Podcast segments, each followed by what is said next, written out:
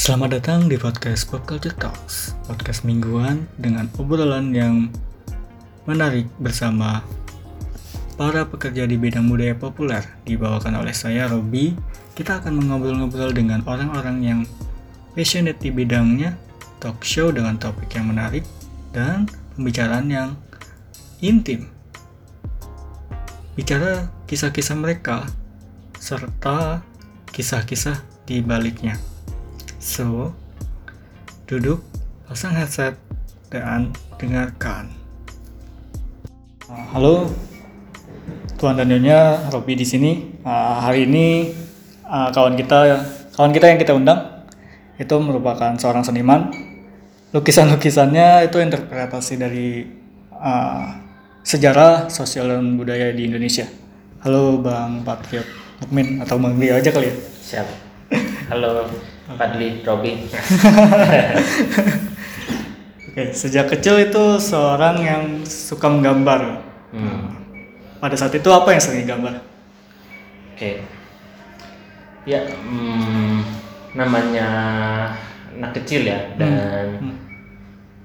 pasti kan kita tuh pasti kita mulai dari nyontoh kan. Yap, yap. Kita punya passion gambar, tapi kita biasanya dapat influence dan sebagai anak kecil pasti dan saya kan hidup kecilnya kita kan hidup di Tuhan misalnya udah jadi anak kecil gitu ya di situ ya pasti popular culture yang ada saat itu tuh mempengaruhi jadi paling berasa untuk belajar gambar saya itu komik sih Conan ya? Eh, Dragon Ball Oh, Dragon Nah, Ball. malah Dragon Ball banget Saya kayaknya dulu lihat di rumah tuh Conan. Conan banyak. iya kalau Dragon Ball kebanyakan minjem. Nggak nggak nggak bisa beli oke kalau Conan oke itu bisa nyewa bisa beli pas era eranya Dragon Ball malah nggak punya uang oke cuma itu mempengaruhi gimana kita akhirnya mau belajar gambar tuh di situ sih banyak yang komen Lalu beralih ke graffiti gimana tuh ceritanya? Kalau nggak salah, kalau nggak salah sempat ke graffiti kan ya? Hmm. kalau graffiti itu udah fase selanjutnya sih kayaknya kalau kan kalau anak SD SMP itu komik banget gitu film Hmm. kartun.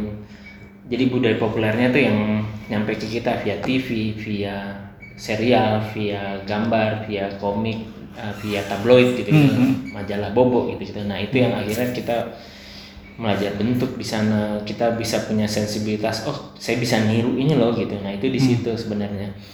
Nah SMP sebenarnya mulai develop hal yang disuka lain sebenarnya waktu itu suka mobil-mobil. Jadi gambarnya mobil terus mobil terus sampai SMA masih mobil terus. Nah ketika SMA ketemu temen yang akhirnya ngasih itu referensi graffiti oh ternyata cool juga namanya remaja kan ya.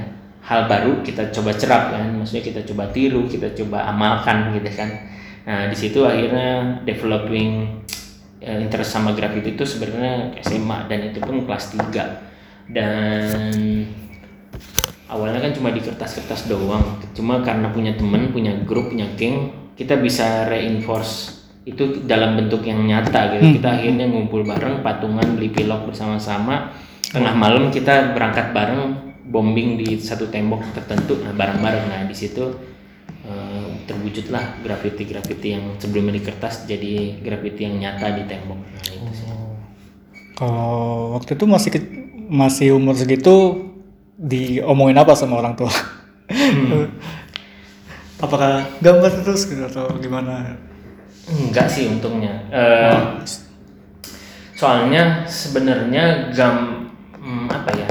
Selama kita masih bisa nunjukin eh, konsistensi lah di akademik di sana, orang tua biasanya nggak khawatir. Ah, oke. Kalau akhirnya karena gambar terus tapi misalnya prestasi akademiknya drop banget gitu misalnya ya misalnya nggak naik kelas nggak masuk sekolah jadi banyak bolos biasanya itu ngasih Influence yang bagus. iya jadi eh, orang tua jadi dapat tanda-tanda wah nggak enak nih ini nggak bener nih dan sebagainya nah kalau akhirnya kita gambar tapi kita misalnya sekolah oke oke aja Hmm. nggak nggak terlalu ditentang sih Betul betul.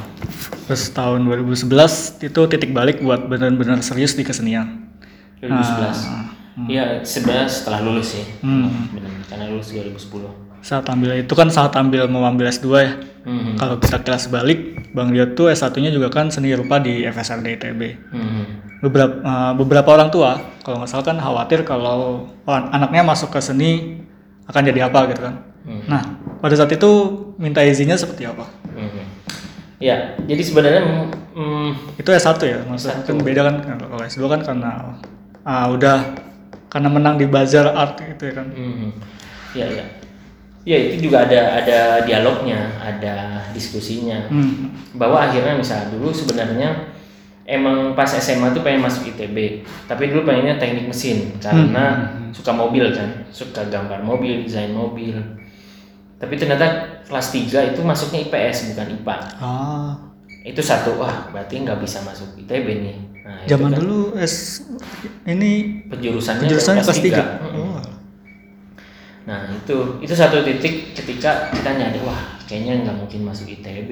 Nah itu satu. Tapi ternyata hmm, entah gimana satu momen ada ada satu surat datang ke rumah itu tentang bimbel gambar. Oh iya. Waktu itu suratnya dari Bintang Merah eh, ngasih tahu ternyata di FSRD itu eh di ITB itu ada jurusan FSRD yaitu seni rupa dan desain. Hmm. ya yang kreativitas kan intinya. Nah di situ eh, sama orang tua jadi ngeliat oh ternyata di ITB ada ada jurusan kayak gini. Jadi jadi terbuka kembali cita-cita kita masuk ITB oke. Waktu itu masih fokusnya karena kita eh, suka gambar mobil ya Iya, maksudnya. iya.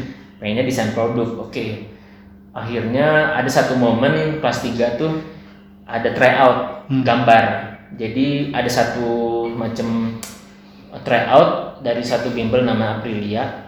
Eh, kita di- dibuka. Silakan siapa yang mau ikut tryout? Gratis. Hmm. ikutan. Waktu itu ada sekitar 10 sampai 15 anak lah yang kayaknya tertarik ikutan tryout. Nah beres tryout eh, resultnya kita diumumin. Nah waktu itu ditelepon ayah kita pak ini anaknya katanya berbakat kata kata Oh. marketing mungkin tapi paling enggak nih Iya. anak bapak ini bagus nih karena dia bilang dipoles dikit lagi masuk pasti ITB katanya gitu Oh, nah oke. si ayah kejual maksudnya ke- kebeli nih sama Kebeli ya? omongannya ya udah oke yuk kamu ikut bimbel ini udah namanya Aprilia waktu itu intensif dari bulan April Mei lah Hmm. dua bulan tiga bulan kalau nggak salah kita ikut bimbel itu pulang sekolah bimbel itu sampai misalnya libur persiapan uan dan sebagainya kita bimbel. Eh, bulan Juni itu mas eh, tes. Akhirnya untungnya alhamdulillah keterima. Cuma waktu itu gini kan dulu dulu itu kita pas tes udah ngisi pilihan pertama apa Iya, iya, yang kedua ketiga apa kan. Hmm. kalau sekarang kalau nggak salah belum bisa milih. Hmm. jadi milih baru di setelah diterima kan. Tingkat dua baru milih. Kalau dulu pas masuk pun udah milih jurusan. Nah, ya Hmm. itu saya waktu itu mm, nggak tahu ada namanya jurusan seni murni kan. Hmm. ini seni murni apa nih gitu kan. Nah tapi desain produk ada waktu itu desain komunikasi visual juga kan paling populer kan sampai Hmm. saat ini. Akhirnya strateginya ah saya kan pengennya desain produk. Dulu mikirnya kalau saya nggak diterima di pilihan pertama jatuhnya pilihan kedua. Jadi desain produk saya masukin ke pilihan kedua pilihan pertama seni murni yang kita nggak tahu itu apa. Ya udah. Pilihan ketiga desain komunikasi visual. Ternyata ketika pengumuman anda diterima lulus masuknya seni murni. Nah Ah, di situ sebenarnya si eh, ayah tuh udah mulai mikir ini kenapa masuknya seni murni kan kan dulu bilangnya mau desain produk. Terus diceritain lah milihnya. Kenapa milih pilihan pertama? Justru pilihan pertama harusnya pilihan yang peng kita pengen Iya, katanya gitu kan ya sudah lah itu satu pertama. Tapi ya udah dapet jalanin. Oke. Hmm. Hmm. nanti ya sebenarnya di selama selama kuliah itu tuh selalu dibilang bisa pindah kan? Bisa pindah jurusan kan? Bisa Ah. pindah jurusan kan? Kitanya ngotot udah. Abang mah bilang nggak mau nggak mau gitu kan. Dan sedikit demi sedikit dapat pengetahuan tentang seni eh, tertarik juga gitu. Wah kayaknya nih dunianya menarik nih dunia yang orang nggak tahu. Even kalau nggak masuk kuliah seni nggak tahu tuh dunia seni rupa benar-benar nggak pernah lihat pameran nggak pernah masuk ke galeri nggak pernah lihat museum seni nggak gitu. Even pelajaran keterampilan dan ke- itu di kesenian di sekolah kan nggak ngasih wawasan yang cukup adequate ya maksudnya Hmm, hmm, cukup gitu untuk kita tahu dunia seni rupa itu kayak apa nggak ada sama sekali maksud kurang banget Hmm. cuma pernah nyebut apaan di Basuki Abdullah selain itu susah kan kita Ya kayaknya zaman dulu emang lebih eh, dikenal tuh Basuki Abdullah. Basuki Abdullah, Zaman kan. saya Hmm, ya. di buku-buku gitu disebutnya Basuki Abdullah pasti. Nah itu di situ. Tapi sebenarnya eh, selama kuliah itu tuh ya kena influence karena eh, ngelihat alumni kan. Hmm. Karena sebenarnya oh alumni kita yang dulu kakak senior kita lulus jadi seniman. Hmm. Kita datang ke pamerannya, ke pameran tunggalnya, dan itu ngasih influence. Wah kita harus bisa gitu. Hmm. Walaupun kalau mau lihat situasi zaman itu ya, misalnya tahun 2007 2008 kita kalau baca sejarah atau baca liputan majalah aja tulisan kritik saat itu itu lagi boom kita sering dengar kata boom seni rupa saat itu karena gila-gilaan penyerapan karya seni saat itu gila. Pameran sold out, pameran sold out, pameran sold out. banyak titik-titik oranye di caption karya itu. Bahkan satu karya bisa titik oranyenya empat berarti ngantri itu yang minta Iya, iya. gitu-gitu kan. Nah itu terjadi. Dan itu ngasih influence kita mahasiswa saat itu. Wah kita harus jadi nih kita harus lulus harus kayak dia nih gitu. Hmm. harus kayak alumni kita. Nah itu seperti itu. Nah walaupun sebenarnya eh, keseriusan abang waktu itu eh, di persoalan kesenian sebenarnya kalau mau dibilang nggak terlalu segitu karena waktu kuliah selama S1 itu bener-bener fokusnya sebenarnya ma- main sebenarnya. Ah. maksudnya main dalam artian berorganisasi juga Hmm, hmm, hmm. KMSR, ospek di ospek, terus akhirnya organisasi bikin event, bikin acara, bikin keramaian, bikin program gitu-gitu itu Iya, dulu banyak kan habisin waktu dan pikiran tuh di situ. Hmm. Jadi bener-bener akhirnya fokus mau pursuing atau ngejar karir itu tuh justru di ujung-ujung Hmm. dan uh, bahkan benar-benar fokus tuh setelah lulus. Sebenarnya selama kuliah itu sebenarnya ngebangun Relasi. ngebangun ini aja sih semangatnya Ah. bangun motivasi bahwa kita nanti harus jadi seniman gitu tapi untuk benar-benar ngejar waktu itu sejujurnya nggak segitunya dalam artian kita beraktivitas di hal-hal lain tuh lebih banyak. Hmm. nah di situ ya jadi problem. Bahkan habis lulus pun masih disuruh udah kamu di Jakarta aja sini ngantor gitu. Kerja di kantoran. Ini banyak yang butuh. Misalnya jadi desainer jadi apa. Ya ngotot sih abang kita waktu itu eh, ngotot ah nggak nggak mau gitu. Nggak nggak kayak gini nih. Di bayangan tuh nggak pengen hidup ngantor gitu. Kita pengen jadi seniman gitu dan sebagainya. Ada dari bayangan itu aja sih sebenarnya bikin tekad akhirnya minta izin balik lagi ke Bandung waktu itu setelah lulus kan. Sebenarnya beruntung setelah lulus 2010 itu dapat project residensi di Ancol kan di Hmm. Jakarta. Pulang ke Jakarta dapat project residensi kan. Di situ kita dapat ibaratnya uang bulanan uang berkarya Hmm. dapat tempat untuk berkarya dan ujungnya pameran. Itu jadi semacam transisi dari kita lulus wisudawan akhirnya punya satu orientasi yang dikejar kan Hmm. Nah, beres itu nggak punya lagi hal yang dikejar ya itu momen-momen disuruh ngantor dan sebagainya akhirnya eh, memutuskan setelah sebulan di rumah aja tuh sebulan dua bulan mikir ah nggak enak nih eh, pikir bosen otak kering gitu Hmm. minta izin ke orang tua pengen balik ke Bandung masih punya uang sisa residensi Hmm. eh, buat berkal eh, nyewa rumah waktu itu Hmm. studio bareng koko bareng teman-teman waktu itu bayar itu nginep di situ tinggal di situ ya punya ruang buat berkarya Hmm. nah waktu itu diizinin dengan syarat sih udah kalau boleh ke Bandung lagi tapi nanti tahun ajaran baru sekalian S2 Hmm. nah ya udah itu jadi win-win solution Hmm. Hmm. daripada ngedekem di Jakarta kita nggak punya relasi seni gitu kan Hmm. mau ke galeri susah galeri nasional jauh banget mau ke galeri itu harus menempuh jarak dan waktu yang akhirnya tuh nggak sedikit ngabisin tenaga banget kan Iya, iya. ya udah akhirnya balik ke Bandung eh, punya waktu yang cukup banyak untuk explore nah di situ sebenarnya momen nggak ada nggak ada kejaran itu lahir si karya yang menang bazar itu Hmm. jadi kita punya waktu untuk refleksi, punya waktu untuk eksplorasi, eksekusi. Waktu itu tuh berharga sih momen-momen itu ketika kita nggak punya kejaran, kita nggak punya satu project yang akhirnya harus segera dikejar apa dikejar project itu enggak kita akhirnya melakukan sesuatu yang saya rasa bermanfaat sampai akhirnya menang bazar artboard bisa nunjukin juga pembuktian ke orang tua jalan seni ini ternyata bisa loh gitu, Yap, yap. gitu. Hmm.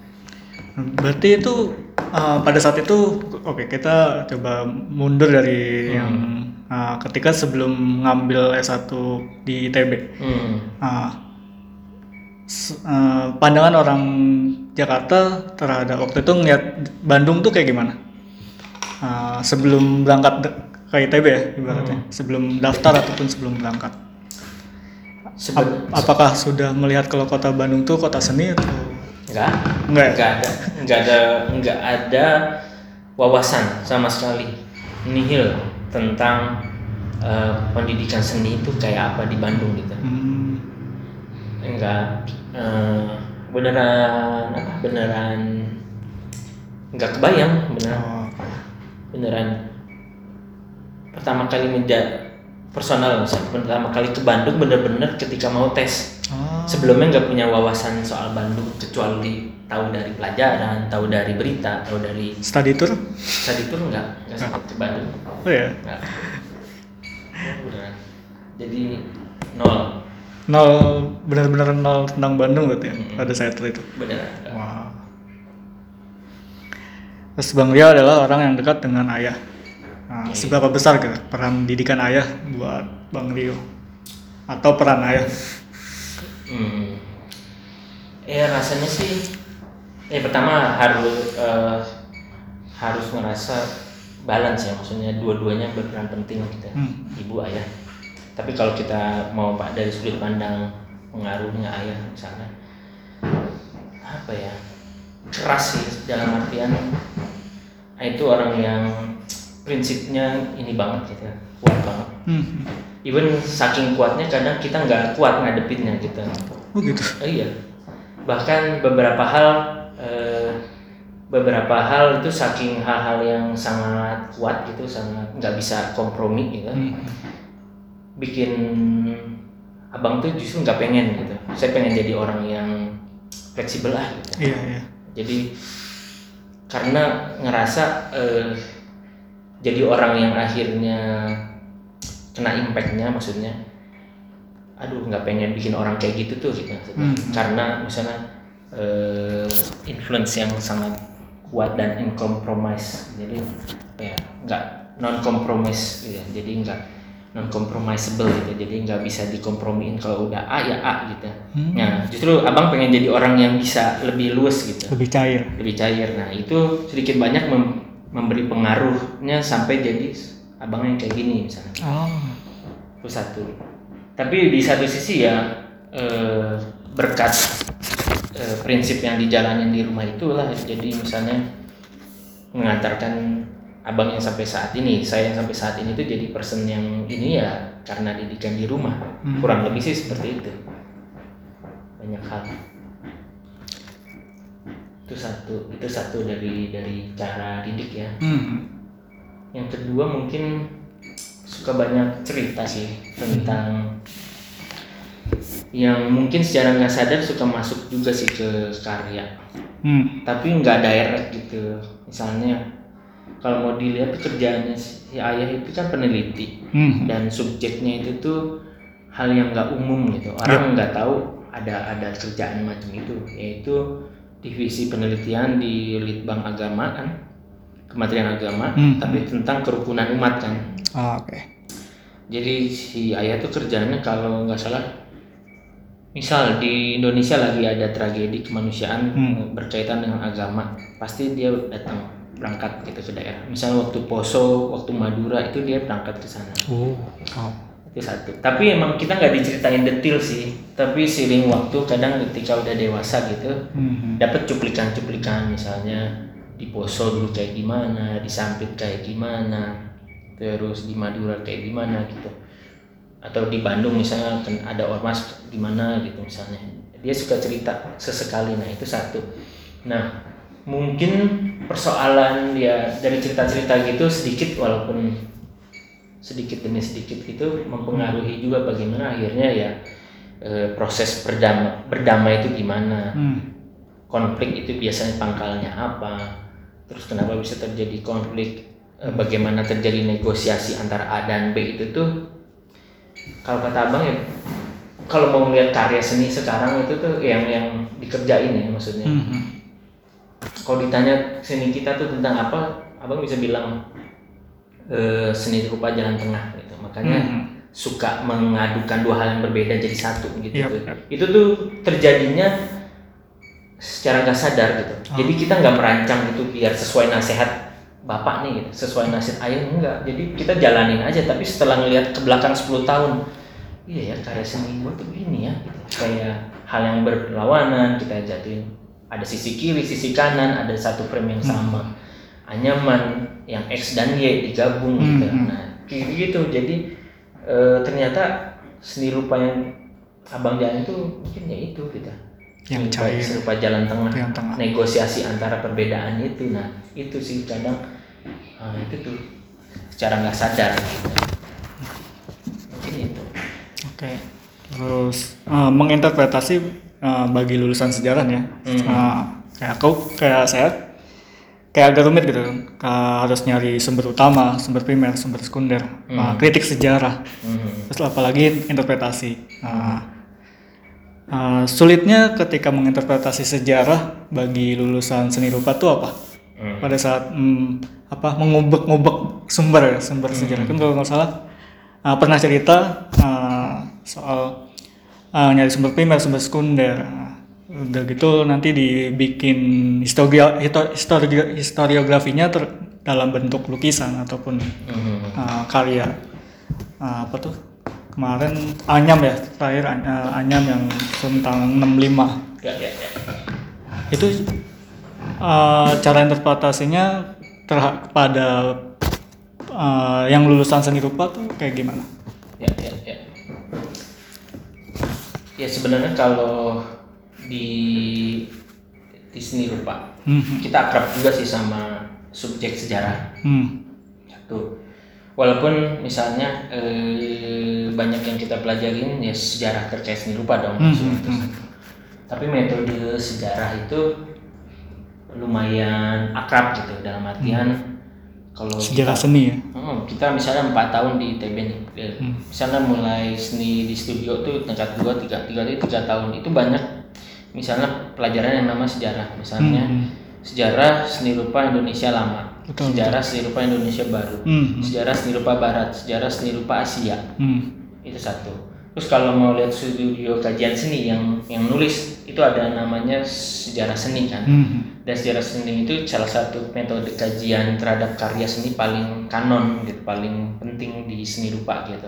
Sekarang mungkin menganalisa seni kita bisa pakai psikoanalisa bisa Hmm. pakai semiotika psikologi seni betul betul. bisa sosiologi seni kalau dulu sejarah seni jadi beneran akhirnya pakai metode sejarah seni rupa gitu. Hmm, bagaimana akhirnya eh, satu kesenimanan itu tuh dilihat dalam konteksnya di sejarah gitu kan. Hmm, hmm. itu salah satu yang paling pertama gitu.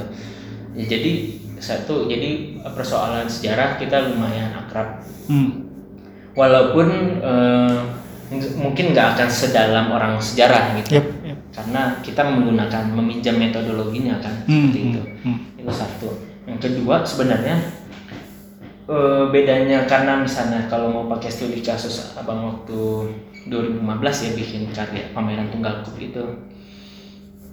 Salah satu mungkin ada dua sumber yang akhirnya abang cari. Satu knowledge-nya. Yang Hmm. kedua materi visualnya. Hmm, nah itu melibatkan proses yang berbeda gitu. Hmm, Pertama yang visual dulu. Karena misalnya visual itu tuh kita menyangkut ekspresinya kan, menyangkut eh, meaning atau yang akan kita kita bawa gitu, yang kita Hmm. akan ungkapkan lewat karya itu sangat bergantung pada visual yang kita punya. yep. Itu satu.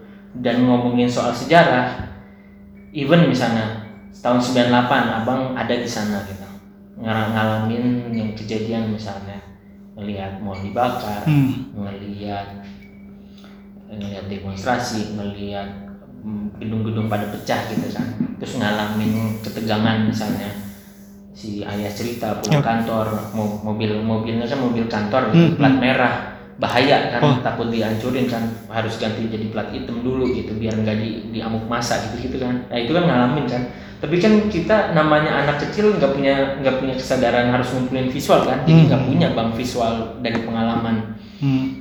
untuk ngomongin 98 kita harus cari dokumentasi orang Betul, itu satu. Apalagi yang 65 kita belum lahir nah itu lebih lebih dilematis Lebih lagi kan dilematis, ah. nah untuk untuk nyari data visual waktu itu abang sempat ikut workshop namanya workshop hak cipta Oke. satu yang kedua sempat konsultasi ke fotografer gitu ngomongin hak cipta juga. Nah, yang pertama workshop waktu itu ada orang Belanda ngasih workshop di sini tentang hak cipta. Sat- ada beberapa hal yang abang pelajarin satu.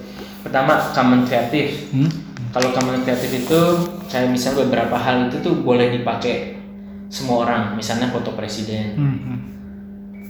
foto resmi dari negara itu kayak foto presiden wakil presiden itu bisa dipakai. Hmm. Kita kalau pakai itu nggak akan dituntut kecuali kita menginsult ya. Hmm. Tuh. Terus eh, kemudian misalnya apropriasi seni itu bisa dilakukan. Misalnya kita pakai karyanya siapa gitu, karyanya A. Tapi yang namanya apropriasi apropriasi seni harus ada perubahan gitu. Yep.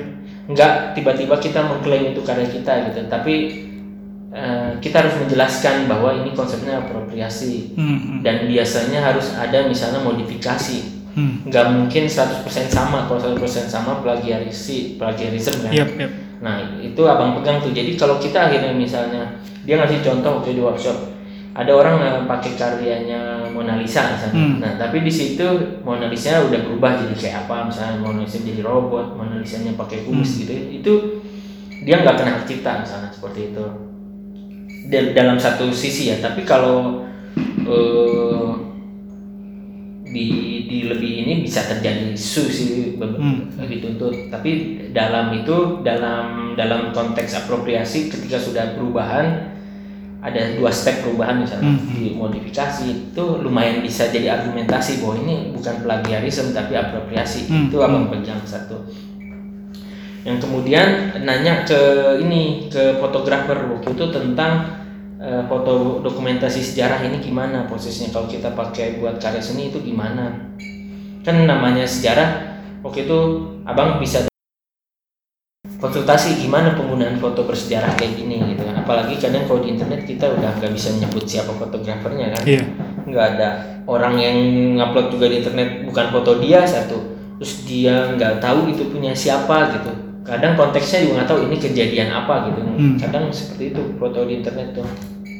Nah abang konsultasi misalnya ke waktu itu eh, satu komunitas fotografer gitu di jalan di Bandung sih markasnya di Jalan Suci kesanaan lagi dekat-dekat Cahem. Apa Oke. namanya.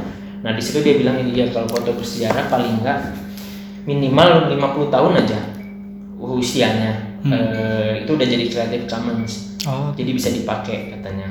Seperti itu. Nah waktu itu foto yang abang gunakan kan kayak gitu sih. Untungnya 2015 tuh 50 tahun 65 kan. Iya. nah itu jadi argumentasi kita yang kita pegang. Oke beberapa foto kita pakai argumentasinya itu dan rata-rata kalau mau abang berargumen lagi hasil akhirnya itu walaupun bener pakai foto itu sebenarnya udah lumayan kabur kan? Hmm, udah lumayan nggak clear itu Hmm. foto yang mana gitu. Nah itu jadi argumentasi selanjutnya. Jadi pertama itu dari visual material abang udah melakukan modifikasi Hmm. sehingga akhirnya oh, bisa dibilang apropriasi juga sehingga hasil akhirnya itu tuh udah nggak sebegitu menyerupai walaupun bener pakai yang itu tapi sebenarnya udah nggak ini dan yang argumen yang kedua itu udah rata-rata pakai foto yang udah usianya 50 tahun Yep. Nah, itu jadi argumen kedua. Itu dari visual material. Dan kedua, kita juga harus tentuin konten kan. Hmm. Nah, dari sana ya itu kadang punya sensibilitas pribadi. Nah, sensibilitas itu pertama dibangun pakai pengalaman Hmm. sama yang dipelajari di sekolah misalnya. Yang kedua juga salah satu karena ini terkait sejarah, sensibilitas bisa muncul karena kita baca Hmm. konteksnya kejadiannya apa ini siapa kenapa ini penting kenapa Hmm. dia harus dihadirkan kenapa yang ini nggak dihadirkan nah itu bisa kita tentukan karena kita baca Hmm. nah itu yang akhirnya dari hal-hal yang kontennya itu sejarahnya ya. Hmm. Nah itu itu proses yang beda lagi. Hmm. Di situ abang eh, pertama di sana dulu ke museum G30S dong. Yap, yap. Nah itu datang sana dijual buku selebarannya abang beli gitu, Hmm. baca. Nah itu kan satu sudut pandang. Terus eh, sudut pandang yang akhirnya membela PKI-nya kan ada kan? Hmm. Karena setelah 98 sumber-sumber yang akhirnya membela PKI-nya banyak kan. Ya, yang menggantar sumber pemerintah. Bener counter ya, counter pemerintah itu banyak. Hmm. Abang baca misalnya kitab merah itu ada. Terus eh, publikasinya Subandrio Hmm. pengakuanku itu dia men- menteri luar negeri tahun 65 yang ditangkap dia tuh simpatisannya PKI kan apa Hmm. menteri dari partai PKI kan Hmm. dan dia eh, dibebasin di era Gus Dur kalau nggak salah Hmm. dia tapi selama 30 tahun dia di penjara kan Nah, Yep. setelah itu tahun 2000 2001 dia bikin itu pengakuanku dan itu semua mengcounter banyak hal-hal yang akhirnya mengcounter dari pemerintah Hmm. satu bang juga baca salah salah satu buku tebelnya segini dan Hmm. itu sejarawan itu saya lupa namanya nah, bukunya ada di rumah tapi itu detail banget bisa bisa cerita Soeharto lagi ada di mana pagi hari tanggal 1 Oktober Oke. bisa cerita malam 30 September itu tuh Bung Karno lagi di mana Hmm. kejadiannya satu terus eh, dia bisa cerita pas 11 Maret 66 itu gimana sih konteksnya? Siapa yang datengin Bung Karno? Terus Bung Karno waktu itu kan harusnya bikin sidang paripurna. Hmm. Eh, terus dia di demo jadi depan istana mahasiswa ngedemo Bung Karno. Bung Karno akhirnya cabut pergi ke istana Bogor. Nah di istana Bogor disamperin sama beberapa jenderal. Nah sehingga akhirnya itu 10 Maret 11 Maret terbitlah Super Semar itu. Nah itu tuh dia bisa cerita sedetail itu. Jadi si penulis ini bisa bisa dapat sumber yang sampai dia bisa nulis seperti itu. Dan itu baca buku itu nikmat banget kata bang. Dan salah satu sumber utama pengetahuan yang mengkonstruk pikiran. Hmm. Nah, ab- abang tuh waktu itu pengen eh, karyanya itu tuh ya itu ada di tengah itu kan. Hmm. sampai ketika akhirnya pameran pun ada pertanyaan gini dari penanggap. Jadi kamu ini ada di berdiri di mana sih gitu katanya Hmm.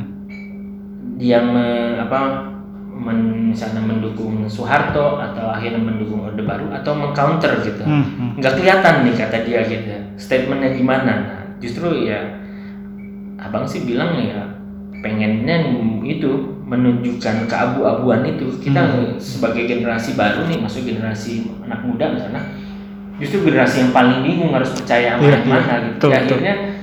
Cuma bisa pakai opini kita gitu Hmm. akhirnya siap dekat kita sama personality kita yang mana misalnya kita rebellious ya pasti kita benci sama versi pemerintah misalnya kalau misalnya kita akhirnya ngerasa dekat sama misalnya narasi utama karena misalnya misalnya keluarga pandangan seperti itu pernah cerita seperti ini kita bisa jadi ya sangat percaya 100% sama versi pemerintah itu bisa Hmm. aja terjadi dan Hmm. Abang merasa berada di tengah-tengah gitu abang bisa ngelihat dari maksudnya orang yang dekat itu dari versi yang sebelah sini orang dekat juga versi sebelah sini jadi Hmm. ya udah kita mah coba bagaimana akhirnya menghadirkan justru pertentangan itu tuh muncul di karya gitu nah itu yang terjadi sebenarnya di karya KUP 2015 itu Oh.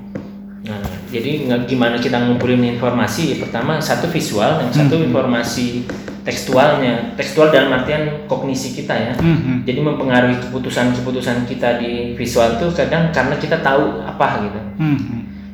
Kadang kalau kita belum cukup tahu eksekusi di visualnya tuh bisa ngawur gitu. Iya betul. Nah, makanya kita harus bekali kognisi kita tuh sama fakta, sama beberapa perspektif. Nah itu sih, itu proses yang enak juga. Hmm. Hmm. Gitu. Oke. Terus eh, karya seni Bang Rio itu selalu ada rasa kegelisahan ya. Hmm. Bang Rio pada kehidupan, Hmm. eh, ter- terutama sosial dan budaya kita. Hmm. Terus itu menjadikannya kayak eh, ketika karya seninya yang cair atau fleksibel. Hmm. Eh, saya saya melihat pola yang cukup menarik yang yang saya temukan Hmm. eh, saat ngobrol-ngobrol saat eh, berbincang kemarin Hmm. eh, saat mm, melihat karya terakhir yang sekarang di post di Instagram Hmm. Eh, itu yang cukup baru yaitu kritik budaya bermedia sosial kita Hmm. Bagaimana budaya bermedia sosial kita cukup seksi di mata Bang Dio? Ketika mau diangkat gitu. Kalau nggak salah yang karya lama juga ada singgungan dari lihat uh, tahun 2014, pemilu 2014 kan kalau nggak salah. Hmm. Ya, ya, ya, ya, ya, ya. Yang sejarah, yang jas merah itu. yang- Hmm. Yang mana ya waktu itu cerita? Pokoknya uh, lihat Iya, iya. uh, Karena gelisah dari itu ya. hmm. dan juga kan yang karya bola juga kalau nggak salah dari berita-berita di Hmm. ini kan. Betul. Ah. Iya, nah itu sih kadang eh ya itu jadi isu juga dalam karir maksudnya dalam Hmm.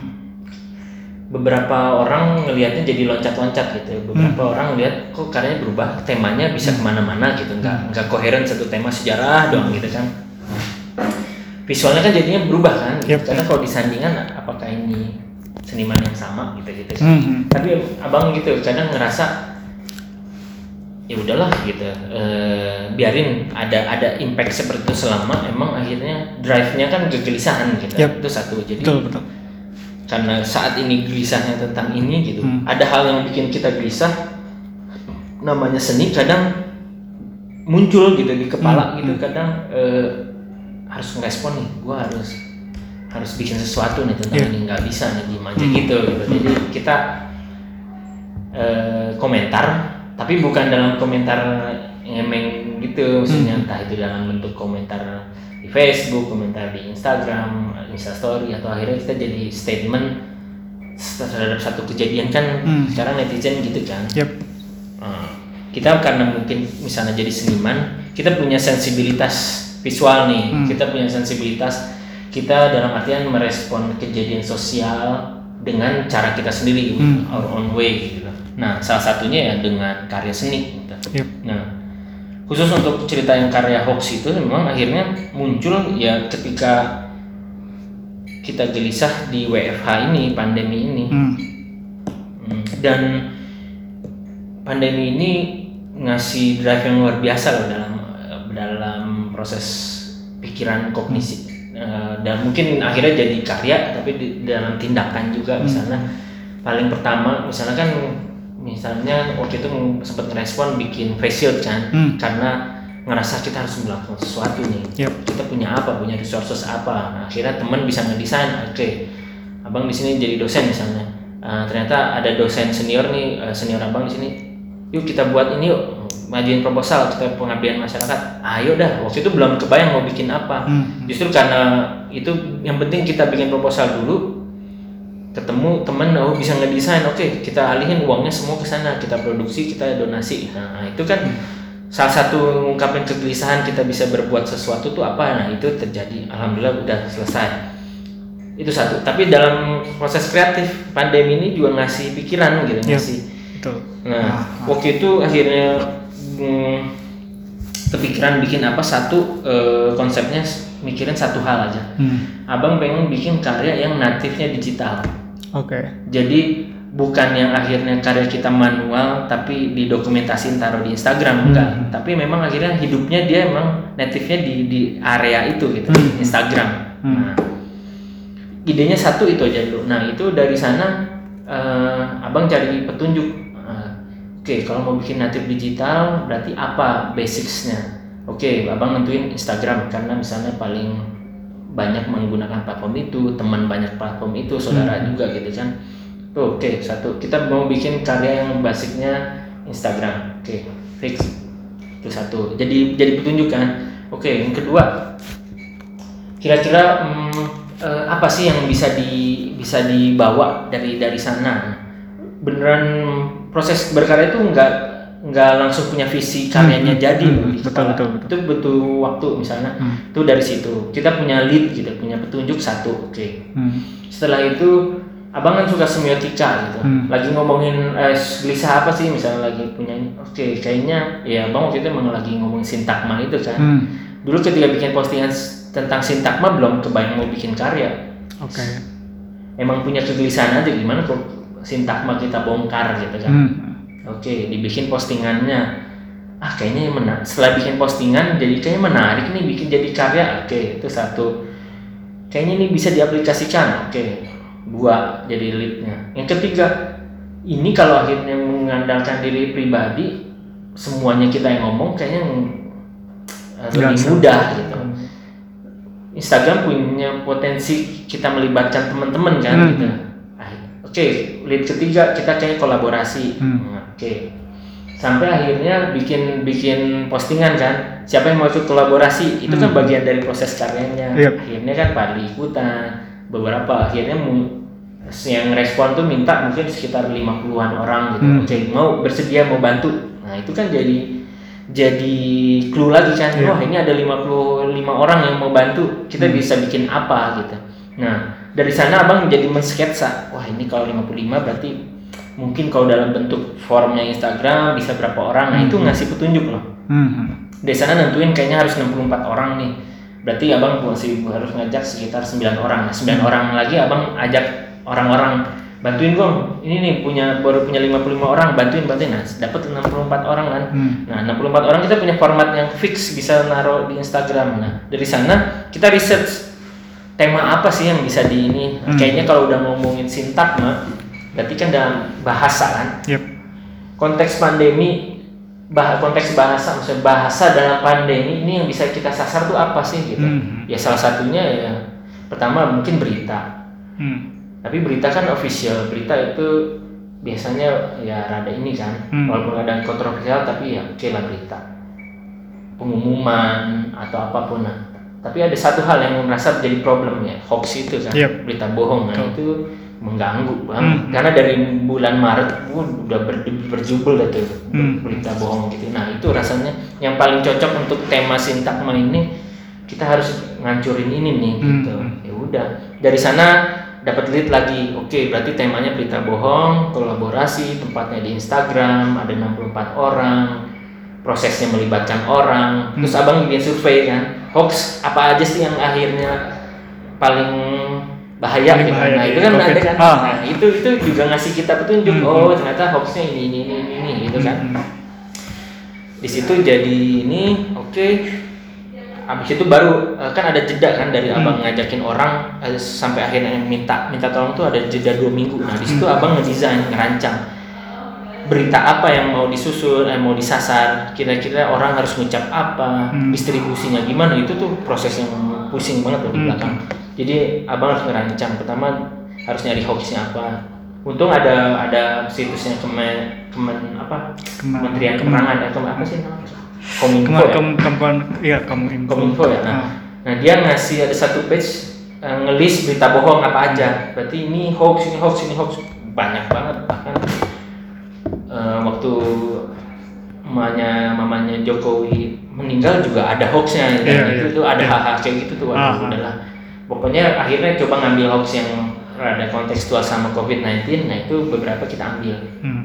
Nah, abis itu abang mau belum tahu kayak apa, siapa ngomong apa itu belum tahu. Kita waktu itu insting aja, kayaknya bakalan ada hoax yang cuma 4 kata, ada hoax yang 16 kata, Hmm. ada hoax yang 64 kata. Nah, itu abang nyortir mana yang pak cocok buat 4 kata, cocok 16 kata, cocok buat 64 kata. Nah, itu diorganize. Abis itu nemu siapa hoaxnya yang mana, abang bagi dan distribusiin gimana biar balance. Nah, itu itu pusing banget kerjaan itu benar. Oke.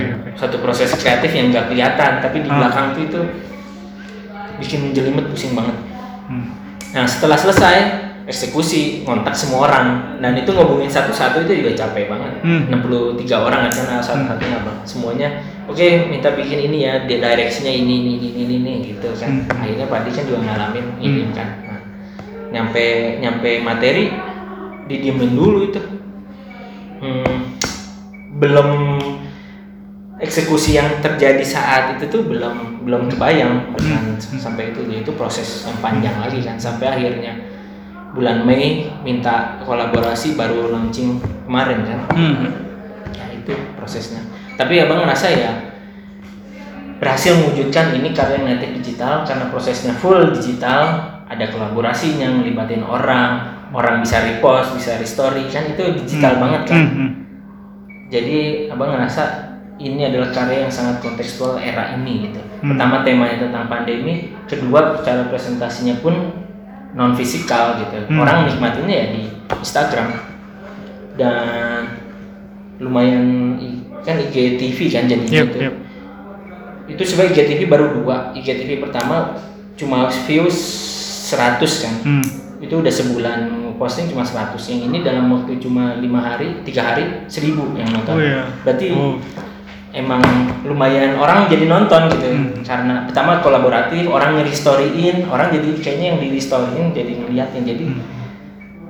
satu sisi dia lumayan bisa nge-reach seribu orang gitu dalam cuma tiga hari. Pameran tiga hari yang datang berapa sih? 100 orang aja bagus kan gitu. Hmm, hmm. ini dalam waktu tiga hari dia ditonton seribu orang. Hmm. nah berarti itu digital native itu satu langkah yang lumayan untuk merespon isu-isu itu satu Pada saat itu terpikir buat dipamerin di pameran online atau enggak atau mau kirim ke uh, sekarang di film kan ada ada festival untuk eksperimental. oh gitu Uh, apakah bakal kepikiran ke sana? Pada saat itu kepikiran ke sana atau enggak distribusinya?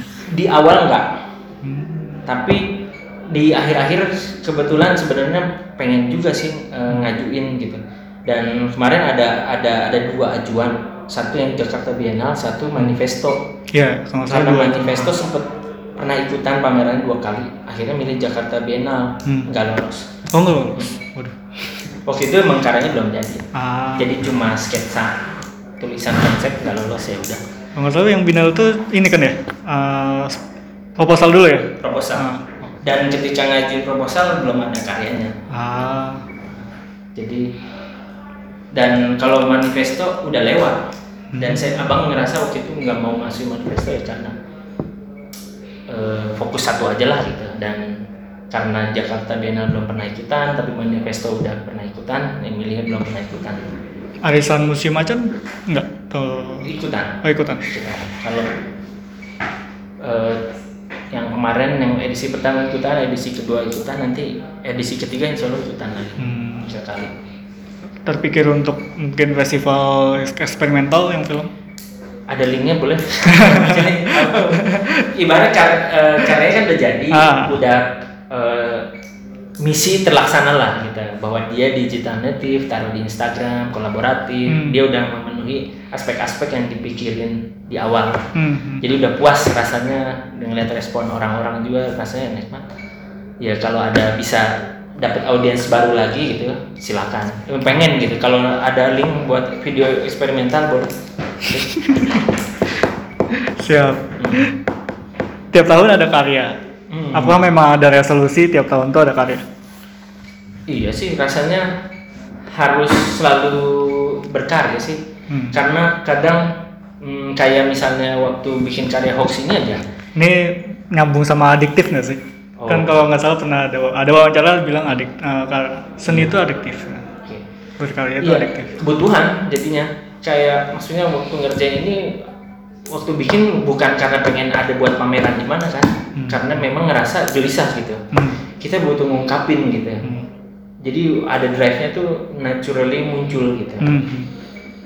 mungkin karena udah melakukannya 10 tahun dia datang begitu saja gitu jadi bahwa akhirnya we need to do something gitu Hmm. kita harus mengungkapkannya gitu kita harus membuatnya dengan sensibilitas yang kita punya Nah, jadilah karya gitu Hmm. ya eh, kadang jumlah nggak nggak terlalu nggak terlalu ini ya nggak terlalu ngoyo harus berapa Hmm. selama setiap tahun ber- ada karya gitu ya abang sih oke oke Hmm. Um, ini bisa dijawab atau bisa enggak sih? hmm. Karena agak hati-hati soalnya. Hmm. Sekarang jadi PNS. Hmm. Apakah ini kerat kaitannya dengan seniman itu sedikit yang Hmm. kaya dalam pandangan awam? Hmm. Jadi hid- hidup secara pragmatis aja gitu. Uh, daftar PNS, Ya, jadi dosen. Ya, ya. itu terserah sih mau jawab atau enggak.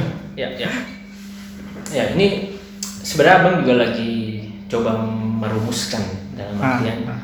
eh, ngelihat juga pertama ngalamin jadi part time dalam artian seniman tapi part time seniman gitu jadi Hmm. bukan full time artis gitu Hmm. Eh, satu jadi dosen eh, sambil jadi seniman juga gitu Hmm. itu satu Eh, kemudian abang juga ngeliatin beberapa fellow artis ya teman-teman teman-teman seniman gitu Hmm. dan selama pandemi ini isu ekonomi kan jadi tinggi juga kan? Hmm. pameran cancel pameran ditunda. Ada temen udah jadi karyanya mau pameran tunggal bulan April nggak jadi Iya, gitu gitu kan. Hal-hal kayak gitu tuh jadi isu penting kita jadi diskusiin juga kayak gitu, tentang ekonomi ini. Dan abang jadi merhatiin juga meneliti juga. Dari dari misalnya kita punya seniman aktif 50 orang misalnya sekarang nih yang generasi bukan angkatan ya maksudnya yang ada misalnya yang 10 angkatan terakhir misalnya Hmm. ada 50 orang misalnya atau 50 sampai 100 orang yang full time artis siapa sih gitu Hmm. dan itu persentasenya kecil ternyata Yep. dan rata-rata em, orang yang survive itu dia pu dia somehow punya alternatif skill Hmm. somehow dia punya sesuatu yang dia bisa kerjain lagi Hmm. besides their art gitu ya selain karya seninya. Hmm. di sana dia survive. Nah, di meanwhile dia bisa bagi waktu karya seninya tetap jalan gitu. Hmm. misalnya eh, temen kemarin juga cerita eh, presentasi yang satu kerja di manajemen seni. Dia misalnya eh, di galeri dia memanage. Dia karena manajemennya bagus banget pribadinya jadi dia punya pengalaman memanage karya orang dia bisa manage shipping ke luar negeri gimana kalau ke luar negeri packingnya harus bagaimana timing deadline. Di satu sisi dia dapat gaji di satu sisi dia dapat pengetahuan kan knowledge. Peng- knowledge yang dia punya diaplikasikan di karyanya. Jadi dia bisa memanage karyanya seluas itu. Hmm. nah di situ dia survive jadi manajer seni di situ dia ngembangin karirnya. Hmm. satu. Yang kedua dia juga survive karena dia punya merchandise Oh, Oke. jadi dia Ah. waktu ini dia ngerasa gue harus punya yang namanya eh, backup plan bukan bukan backup plan safety net lah ibaratnya Hmm. nggak mungkin setiap bulan ngandelin dari karya kan Betul betul. nah dia akhirnya ngerancangnya itu via merchandise Hmm. dia punya brand dia punya sensibilitas kan dan sensibilitasnya itu cocok untuk brand anak muda akhirnya diserap juga Hmm. dan di situ dia gunain juga katanya branding itu tuh untuk eksperimen Hmm. Hmm. Nah, banyak akhirnya eksperimen dia di branding itu diaplikasikan di karyanya juga Hmm. dan itu somehow memberi satu memberi dia lumayan stabilitas ekonomi Hmm. ya di satu sisi bisa ngasih proses kreatif juga Hmm. itu satu kemudian ada juga akhirnya eh, teman kemarin juga Google Meet sih. Eh, dia eh, surfing orangnya. Dia akhirnya memutus Bandung base angkatan. Akhirnya dia ke Bali. Pertama dia kerja dulu di perusahaan perusahaan motor gitu Hmm. motor custom. Kan dia akhirnya di sana. Untung bosnya tahu bahwa dia seniman. Dia akhirnya dia ngerjain ngedesain sesuatu. Dia juga masih bisa punya apa waktu untuk Hmm. bikin karyanya kan. Nah itu dia dapat pertama dapat klien. Hmm. kenal sama orang. Kan klien saya karena di Bali internasional kan. Karena dia seniman kliennya jadi beli karya dia juga. Hmm. itu satu. Kadang dia juga akhirnya mengelola merchandise-nya dia juga. Nah Hmm. itu satu. Berarti akhirnya dia resign sih. Tapi dia udah dapat pengalaman dan dia dapat udah punya dapat clients. Hmm. nah di sana dia bisa akhirnya nggak ngantor lagi berkarya seni tapi dia punya clients yang akhirnya udah punya ngebangun suka karya dia Hmm. nah dia juga akhirnya bikin merchandise juga sih Ah. jadi kalau abang bilang memang prinsipnya eh, kalau bisa full time artist itu bagus banget, tapi itu special case. Ah, Oke. Oke.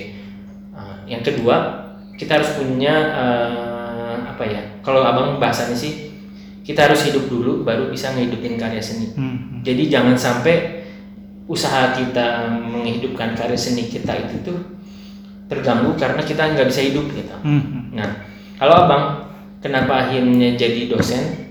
Ya karena sebenarnya suka ngomong, suka Oke. ngemen itu satu. Yang kedua, paling seneng kalau akhirnya diskusi sama misalnya mahasiswa gitu, Hmm. generasi yang lebih muda atau misalnya emang seneng diskusi aja itu, Hmm. tukar idea. Nah, dan momen ketika akhirnya ngejelasin sesuatu diskusi tanya jawab sama di kelas itu salah satu momen ba- bahagia juga. Nah di situ di satu sisi. Kemudian apa yang abang misalnya pengalaman di luar misalnya? Pameran di sana residensi di sini Hmm. misalnya. Ketika kita bawa ke kelas itu juga lumayan enak. Dalam Hmm. artian eh, satu kita bisa sharing knowledge kita bisa sharing eh, pengalaman Yep. kita bisa share motivasi gitu Hmm. karena pakai pengalaman gitu nah itu hal yang enak juga sih dalam Hmm. artian jadi pengalaman kita itu tuh bisa jadi inspirasi juga buat orang nah itu kalau abang emang menikmatinya di sana Oh, oke. cuma ya namanya eh, namanya konsekuensi ya kadang jadi apa ya hmm, apa ya waktu kita harus di- dibagi juga sih Hmm, hmm. kadang ngerasa juga ya teman-teman misalnya yang bisa full time artis wah dahsyat sih gila-gilaan eksplorasinya kadang eh, misalnya waktu ngerjain kup itu abang belum jadi PNS sebenarnya Hmm, hmm. udah tes tapi belum dapat SK-nya Belum dapat ya? Nah, di situ abang ngerasa bisa banyak waktu banget untuk ngerjain makanya ada karya yang besar banget itu dan luar biasa itu. Sekarang belum punya waktunya karena tanggung jawab dosen banyak banget Iya. dari mulai ngajarnya, penelitian, ngabdiin masyarakat, belum administrasinya, belum kepanitiaan apa itu. Itu luar biasa. Tapi ngerasa ya itu pilihan yang kita ambil. Hmm, Ya semua harus dijalanin dalam Iya. artian balance itu penting. Hmm. Nah ini berarti ada sangkut pautnya kayak um, emang beberapa seniman tuh yang full time tuh nggak sepenuhnya full time kan kayak mereka bikin merchandise buku Hmm, komik betul, ya betul, komik betul. Ya itu emang problem nggak sih jadinya uh, di seni sen Hmm. jangan-jangan di luar negeri juga kayak gitu Ya. Itu isu yang lama, maksudnya isu isu yang abadi rasanya. Ah, oke. jadi Ibarat- kayak seniman tuh sebenarnya kayak gurita mungkin ya punya banyak tangan Harus bisa dalam artian karena nggak tiap bulan orang mau beli lukisan kan gitu. Hmm. Itu ibaratnya. Jadi eh, kita harus eh, sadari bahwa seni itu tersier, Hmm. bukan primer, bukan sekunder, tapi tersier. Hmm. Orang yang beli seni adalah orang yang biasanya kebutuhan primer dan sekundernya terpenuhi. Hmm. Eh, jadi even misalnya kolektor yang beli karya awal kolektor awal lah masih, masih bisa beli karya misalnya arisan macan satu Hmm. juta. Nah itu langkah awal aktualisasi kan. Yep. Tapi akhirnya collecting arts itu menaikkan derajat Hmm. gitu kan. Nah itu itu kita harus sadarin betapa akhirnya nggak mungkin tiap orang akhirnya bisa beli karya seni tiap Hmm. bulan kan. Hmm. Even kolektor kelas kakak pun butuh waktu gitu. Even museum museum besar pun ketika mau mengakuisisi seni dia banyak penelitiannya dulu gitu. Hmm. Worth it nggak ya dibeli senimannya cukup penting apa enggak dia berma maksudnya berkontribusi nggak untuk sejarah seni rupa kita di masa depan gitu-gitu. Hmm. Jadi ketika kita mau diakuisisi karya pasti ada scrutinize dulu, ada Hmm. penelitian dulu terhadap kita dong. Hmm. Even pernah satu kolektor ketika mau beli karya abang, dia wawancara dulu ini soal apa, ini gimana, Oh. kehidupan kamu gimana, nanya panjang banget gitu. Jadi emang ya itu kita harus sadarin betapa karya seni itu tuh ketika kolektor beli pun itu salah satu proses penting bagi si pembeli gitu. Hmm. Karena pilihan karya itu merefleksikan sensibilitas si kolektor juga Hmm. gitu. Gue banget gitu sana Hmm. ya ketika dia misalnya taruh ini di rumahnya atau di kantornya itu represents what's what he really means atau uh, but who who he is who they are gitu Hmm. itu define mendefinisikan Hmm. nah jadi ya kita harus sadari nggak bisa tiap waktu kita bisa karya seni Hmm. jadi eh, kecuali momen-momen tertentu ya kalau lagi boom gitu itu itu beda cerita tapi kita anggap kehidupan normal lagi sedang terjadi normal yaitu kita harus sadari bahwa seni itu tersier jadi eh, kalau abang sih prinsipnya eh, nggak mau mengandalkan kehidupan ekonomi dari seni Ah, oke. prinsipnya adalah yaitu kita harus hidup dulu baru bisa ngehidupin seni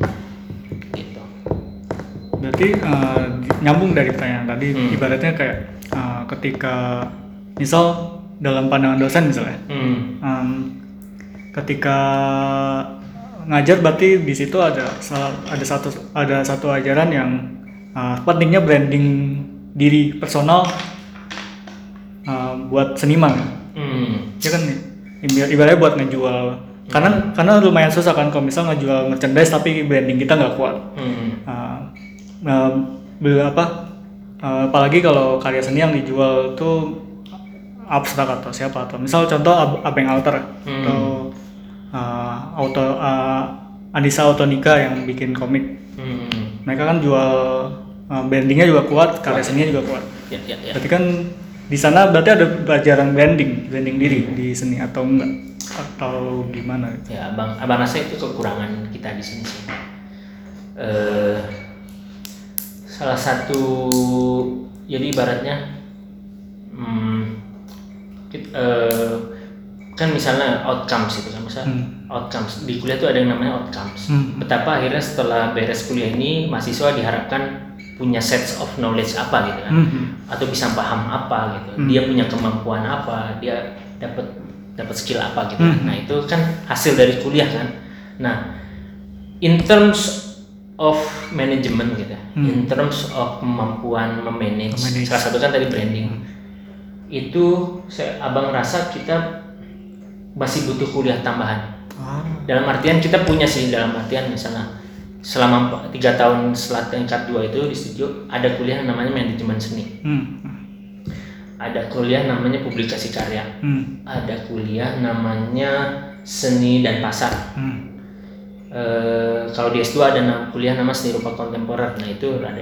Nah kuliah-kuliah itu yang akhirnya yang outcomes-nya itu tuh kemampuan memanage itu. Bagaimana dia mampu bagaimana dia tahu bagaimana dia mampu dia acquire satu set of knowledge yang terkait sama manajemen Hmm.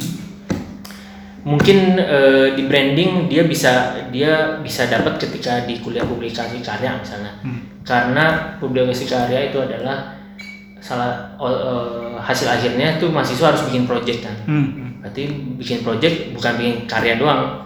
Jadi dia boleh bikin project dari karya masing-masing atau dia bisa bi- bikin project dari karya seniman siapa pun misal alumni atau seniman udah terkenal gitu. Asal selama dia bisa approach selama dia bisa bikin set of kontraknya gimana gitu.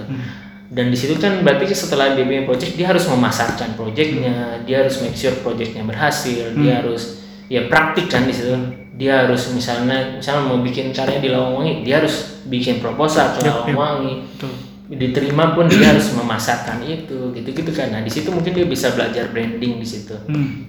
nah tapi kalau khusus branding diri seniman itu natural sih Ah. belum ada kuliahnya mungkin kalau di DKV ada kali ya tapi kalau itu rata-rata self study nah mungkin abang ngerasa ngerasa memang sebenarnya set of knowledge atau skill yang terkait apa ya karirism gitu Hmm. rasanya butuh ditambah Ah, baru ada itu mungkinnya mungkin ada lagi abang nggak mention tapi yang diinget tuh tiga itu publikasi karya manajemen seni seni rupa dan pasar Hmm.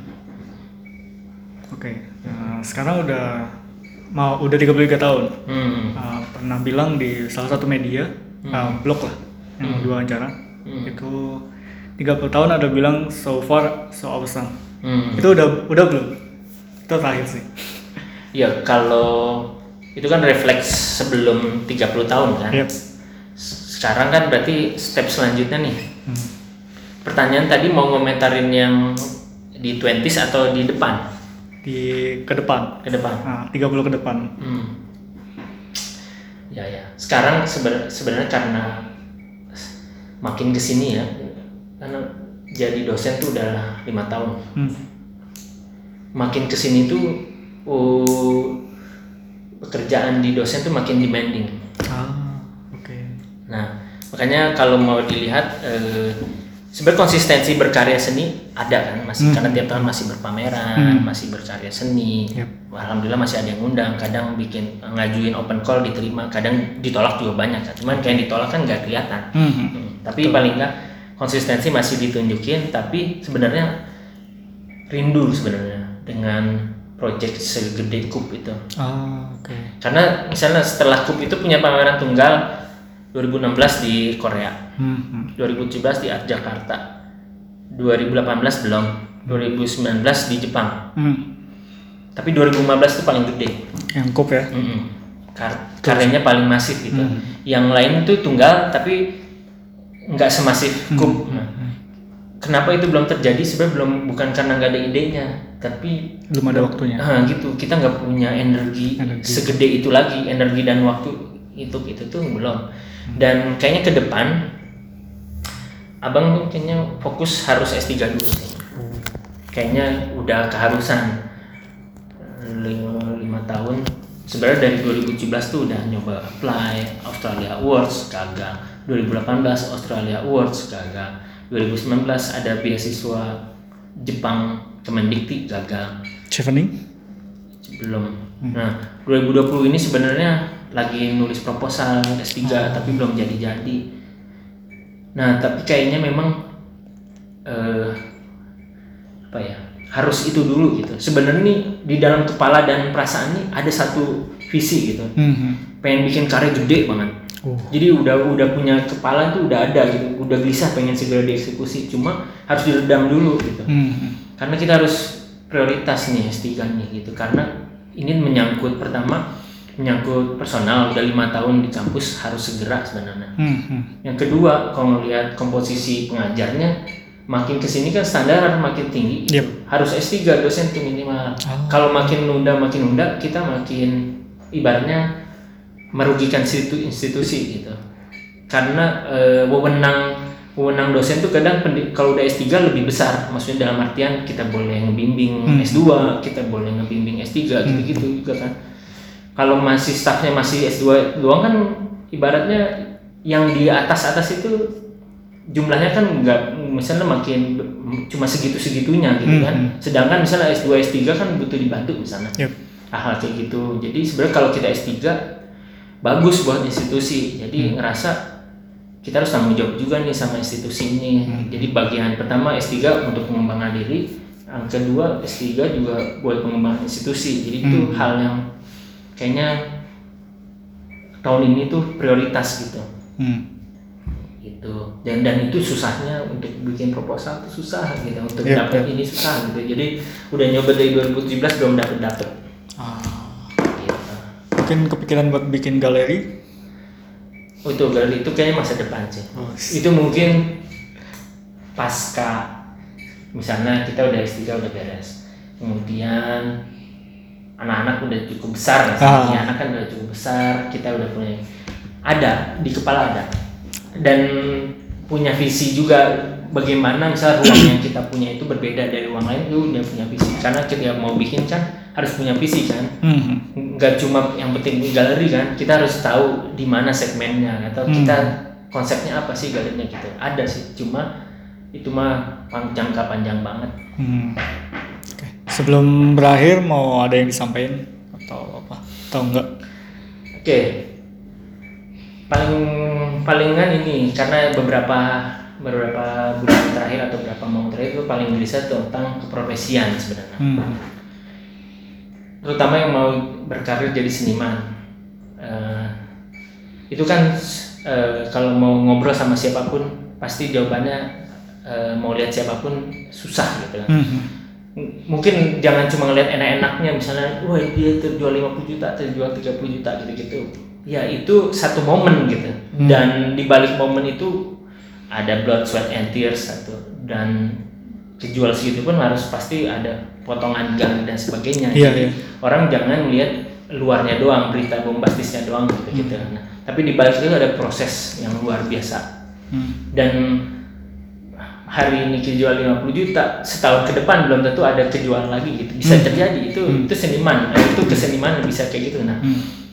per- per- paling penting adalah satu kalau memang mau jadi seniman tekad harus kuat dulu satu Oke. Jadi eh, kalau udah misalnya bulat banget eh, namanya kehidupan naik turun itu nggak akan bikin kita berubah Mhm. Nah itu satu. Jadi kalau memang akhirnya tekadnya 100% jadi seniman, mau ups and downs kayak apa pun, Enggak goyah. dia goyah pasti Oh, bisa goyah goyah. pasti. Tapi paling nggak dia nggak akan living creativity-nya 100% gitu. Hmm. Mungkin dia akan tiba-tiba nggak produktif, tiba-tiba produktif. Tapi dia tiap tahun tuh ada gitu. Hmm. Nah itu karena seni itu maraton Ah. bukan sprint gitu. Jadi mungkin ke- kalau mau baca sejarah boom, iya kayak sprint tiba-tiba dia udah jadi superstar gitu Hmm. bisa. Tapi itu boom tuh bukan normal. Ah. Boom tuh ya boom, mungkin terjadi lima tahun enam tahun. Nggak manusiawi kalau tiba-tiba boom gitu. ya. Mungkin bukan nggak manusiawi bahasanya, tapi ya eh, bukan natural lah. Ah, nggak nature. bukan natural. Itu bukan hal yang common terjadi setiap waktu gitu. Hmm. Nah, itu satu. Jadi paling penting itu jadi pertama tekad. Yang kedua kita harus sadari seni itu maraton. Hmm. jadi lifetime project gitu. Jadi eh, itu adalah hidup kita juga gitu. Itu satu. Hmm. dua. Yang ketiga masalah teknis nih pragmatis. Satu paling enak kita eh, berkarya berpameran tuh kalau ada yang undang Ah. paling enak maksudnya tiba-tiba diundang gitu kan wah berarti kita di recognize dong gitu tapi itu kan nggak tiba-tiba kita langsung diundang. Yep. nah biasanya belum itu di awal-awal karir ada yang undang gitu Hmm. nah berarti itu satu kalau itu nggak terjadi kita berarti pakai opsi yang selanjutnya apa open call Ah, oke. Eh, kita harus rajin-rajin ngeliat informasi open call kita dan kita harus rajin-rajin nyoba gitu. Hmm. karena bisa jadi dari open call kita apply 10 diterima cuma satu itu bisa terjadi. Oh. paling enggak kita berusaha kan? Karena kadang kegagalan juga bikin kita belajar dong gitu. Hmm. nah di situ open call. Nah yang ketiga ternyata kita udah open call tapi satu tahun 10 open call nggak ada yang nerima. Kita buat apa dong? Yang ketiga yaitu self initiate project. Nah jadi paling enak pertama diundang yang kedua open call open call masih nggak terima juga kita bikin sendiri. Nah itu sih kuncinya. Yang penting kreativitas kita itu tuh jangan sampai udah diem mendekem aja. Jadi paling penting kan proses ketika kita berkarya itu dia dipamerkan kan? Hmm. ketika dipamerkan berarti karya dilihat orang. Dan karya ketika dilihat itu berarti karyanya working Yep. karyanya bekerja. Nah itu paling penting. Jadi jangan sampai alasan-alasan kayak nggak ada yang undang nggak diterima open call bikin si seniman ini, ini berhenti Hmm. Hmm. kreativitasnya. Ah udah nyerah gitu jangan. Yang ketiga kita pasti punya self initiative project. Kita bisa mulai dari gal- gal- eh, galeri inisiatif. Kayak, kayak dulu kan saya gerila bisa dipakai. Mungkin sekarang bisa di omnispace misalnya mereka juga padat atau nggak nerima juga di garasi sendiri aja udah. Hmm. itu se- se- sederhana itu. Bahkan Patisna dulu pas masih muda pamerannya di pinggir jalan di Braga. Ah, oke. dan itu pun jadi momen milestone Patisna juga karena di, di, diliput kan mahasiswa berpameran tunggal di Braga gitu jalan Braga nah itu jadi statement kekaryaan juga gitu. Jadi jangan khawatir gitu. Biasanya ketika kita udah banyak self initiate self initiate self initiate itu ya nanti open call ada aja yang menerima nanti tiba-tiba ada aja yang undang jadi jangan khawatir. Jadi paling penting pragmatisnya itu tiga itu. Satu diundang diundang nggak dapet kedua ya berarti open call. Open call nggak dapet juga self initiate project. Udah tiga itu sih kuncinya. Jadi jangan sampai circumstansi itu bikin kita mandek gitu Hmm. jalanin aja kira-kira sih seperti itu dan yang ke terakhir ya itu yang tadi udah sempat dis- disebut eh, eh, hidup harus hidup gitu baru bisa ngehidupin eh, karya kita gitu Oke. Ya, itu dia tadi eh, obrolan kita bersama eh, Bang Patriot Muk- Mukmin. Eh, makasih Bang Liu dan ya saya Robi dan ya saya Patriot Mukmin undur diri eh, sampai jumpa di episode minggu depan. Wassalamualaikum.